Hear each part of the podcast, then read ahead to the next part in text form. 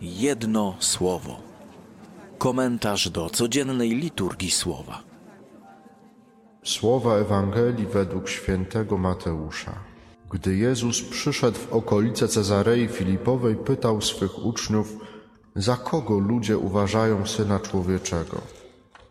A oni odpowiedzieli, jedni za Jana Chrzciciela, inni za Eliasza, jeszcze inni za Jeremiasza albo za jednego z proroków.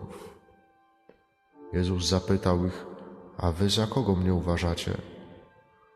Odpowiedział Szymon Piotr, Ty jesteś Mesjasz, Syn Boga żywego.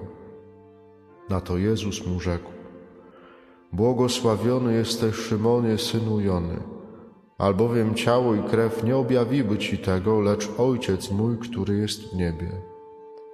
Otóż i ja Tobie powiadam, Ty jesteś Piotr, opoka, i na tej opoce zbuduję mój kościół, a piekielne go nie przemogą. I Tobie dam klucze Królestwa Niebieskiego, cokolwiek zwiążesz na ziemi, będzie związane w niebie, a co rozwiążesz na ziemi, będzie rozwiązane w niebie. Jedno słowo.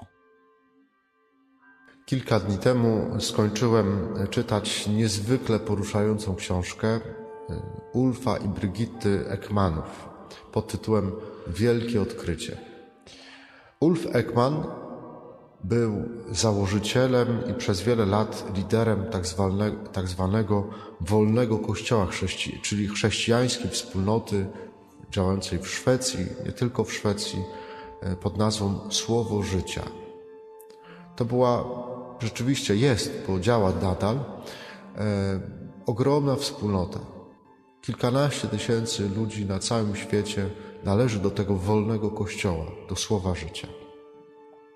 Wspólnota ta wyrosła ze szwedzkiego kościoła luterańskiego, ale bardzo szybko, jak zauważono, że gwałtownie rzeczywiście się rozrastała ta wspólnota w latach 70., e, to bardzo szybko określono tą wspólnotę jako taką e, wywrotową, nawet nazywano czasami ten kościół sektą. Jako pierwszy w Szwecji e, wolny kościół E, słowo życia zrywało z tradycją Kościoła luterańskiego, podążając e, w kierunku zbliżonym do wspólnot zielonoświątkowych i różnych ruchów charyzmatycznych, które wtedy rzeczywiście przeżywały taki rozkwit. Tak jak powiedziałem, ruch bardzo mocno się rozrastał, prowadził misje na całym świecie, szczególnie e, jakby mocno zaangażowany w ewangelizację terenów byłego Związku Radzieckiego po, po upadku komunizmu. I do dzisiaj w krajach byłego Związku Radzieckiego bardzo dużo tych wspólnot właśnie Słowa Życia funkcjonuje. Ulf i jego żona, prowadząc przez wiele lat swoją wspólnotę, w swoim takim szczerym poszukiwaniu prawdy, coraz bardziej zbliżali się do Kościoła katolickiego. I ta książka właśnie mówi o tym, o tej drodze, o tym rzeczywiście odkrywaniu przez różne znaki, przez różne sytuacje, e, rozmowy, spotkania, e, odkrywanie Kościoła katolickiego. Łamali najpierw w sobie takie narosłe wśród nie tylko ich, ale wśród szwedzkich luteran przez wieki uprzedzenia, stereotypy, a potem odkrywali, jak sami piszą, e, niespotykaną nigdzie indziej dla nich głębie i Kościół Chrystusowy, który trwa i rozwija się od Pana Jezusa i Piotra Apostoła aż do naszych czasów. I odkrywali ten Kościół Chrystusowy, ten, który w zamyśle był Pana Jezusa, odkrywali go coraz bardziej w Kościele katolickim. I w końcu w 2014 roku e, Ulf i Brigitta po, po długiej tej duchowej podróży e, wrócili do Kościoła katolickiego. Konwertowali na katolicyzm. Niesamowita historia. E, jest pięknie też ta książka tak zredagowana, że na przemian jakby są wypowiedzi Ulfa i jego żony. I w jednym z rozdziałów Ulf pisze o wolności, jaką odkrył w Kościele katolickim. A wolność tą daje mu to, co często nam, katolikom, kojarzy się ze zniewoleniem. I to jest takie zaskakujące. O co chodziło? Chodziło mu między innymi o pewne uporządkowanie tradycyjnej liturgii, o jej zakorzenienie w tradycji, takie mocne, e, wynikające nawet w strukturze mszy świętej, choć msza święta ewoluowała przez wieki, to ta struktura, ten rdzeń pozostaje niezmieniony od samego początku. Mówi też o tej tradycyjnej teologii, która sięga korzeniami aż do ojców Kościoła. Zobaczcie, że dzisiaj bardzo często dokładnie o tych rzeczach wielu ludzi mówi, że to jest właśnie trzeba to zostawić.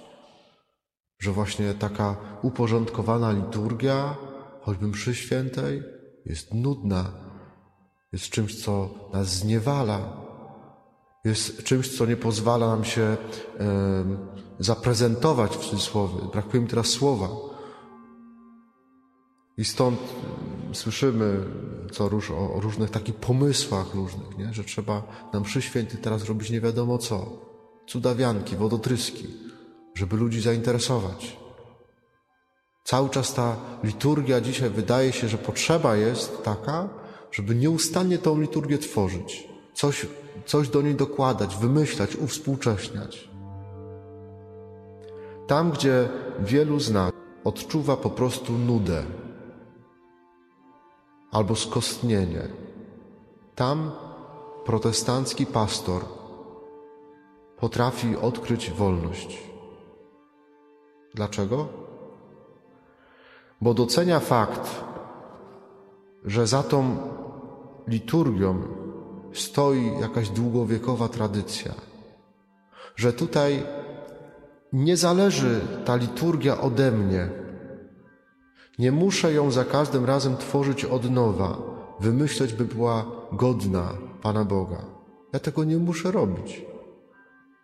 To wszystko już po prostu jest. Już, już ktoś inny za mnie to wymyślił.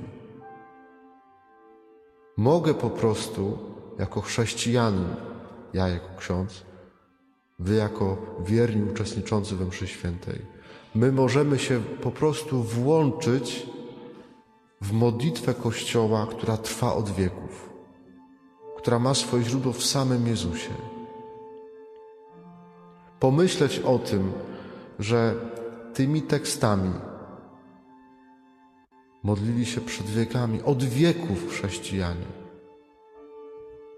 Że na tę uroczystość, czy na przykład na dni Wielkiego Postu, na te poszczególne dni, tych samych czytań słuchali chrześcijanie przez wieki. Ja jestem kolejny. Nie, nie muszę teraz kombinować, wymyślać, cudować. Nie. Po prostu siadam i to jest no to jest no, full wypas. Pełny komfort. Czasem dopiero głębokie i otwarte spojrzenie kogoś z zewnątrz potrafi nam na nowo otworzyć oczy na skarb, który mamy na, na wyciągnięcie ręki, do którego już żeśmy się tak przyzwyczaili, że po prostu tego skarbu nie dostrzegamy. Dzisiejsze święto, święto katedry świętego Piotra, odsyła nas właśnie do tego skarbu, do tego fundamentu. Tam w tej książce jest taki piękny opis, nie będę zdradzał, proszę sobie przeczytać książkę, y, wizyty Ulfa i jego żony w Bazylice Świętego Piotra przy konfesji, czyli przy miejscu tradycyjnym, według tradycji, miejscu pochówku Świętego Piotra. No niezwykle przejmujące świadectwo. Ktoś, kto jest z zewnątrz, czasami potrafi bardziej docenić to, co my mamy na wyciągnięcie ręki. Dzisiaj Kościół nas prowadzi jakby do tego miejsca, i mówi: Zobacz, z jakiego źródła możesz, e, możesz czerpać. Zobacz, na jakim fundamencie jesteś zbudowany.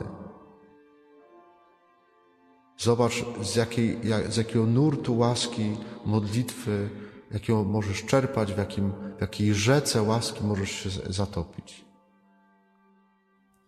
Jedno słowo, które chcę Wam dzisiaj zaproponować, to słowo fundament.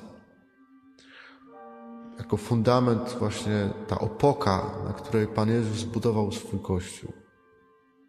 Żebyśmy byli tacy świadomi tego, że my, nasi rodzice, przynosząc nas do chrztu, e, włączając nas w Kościół, chcielibyśmy budować życie na tym fundamencie, którego bramy piekielne nie przemogą. Ja dzisiaj jakoś mam taką wielką wdzięczność, no właśnie za to, że, że, że mogę być cząstką tego Kościoła. Z wszystkimi jego wadami, e, no, tym wszystkim, co w Kościele też jest. To, to jest niesamowita świadomość. Dzisiaj, dzisiaj jakoś tak rano do mnie to dotarło. Że mogę włączyć się w niesamowity strumień e, modlitwy Kościoła, która trwa od wieków. I do takiej wdzięczności dzisiaj też Was zachęcam. Do modlitwy za, za naszych rodziców, za naszych chrzestnych, za tych, którzy e, gdzieś nas e, rzeczywiście w tym kościele wprowadzali w ten kościół i pozwalali, pomagali nam w tym kościele po prostu być. A może czasami też za tych, którzy po długich latach gdzieś szwendania się na, tam, na, na prawo i lewo, z powrotem nas do tego kościoła przyprowadzili. Jedno słowo fundament.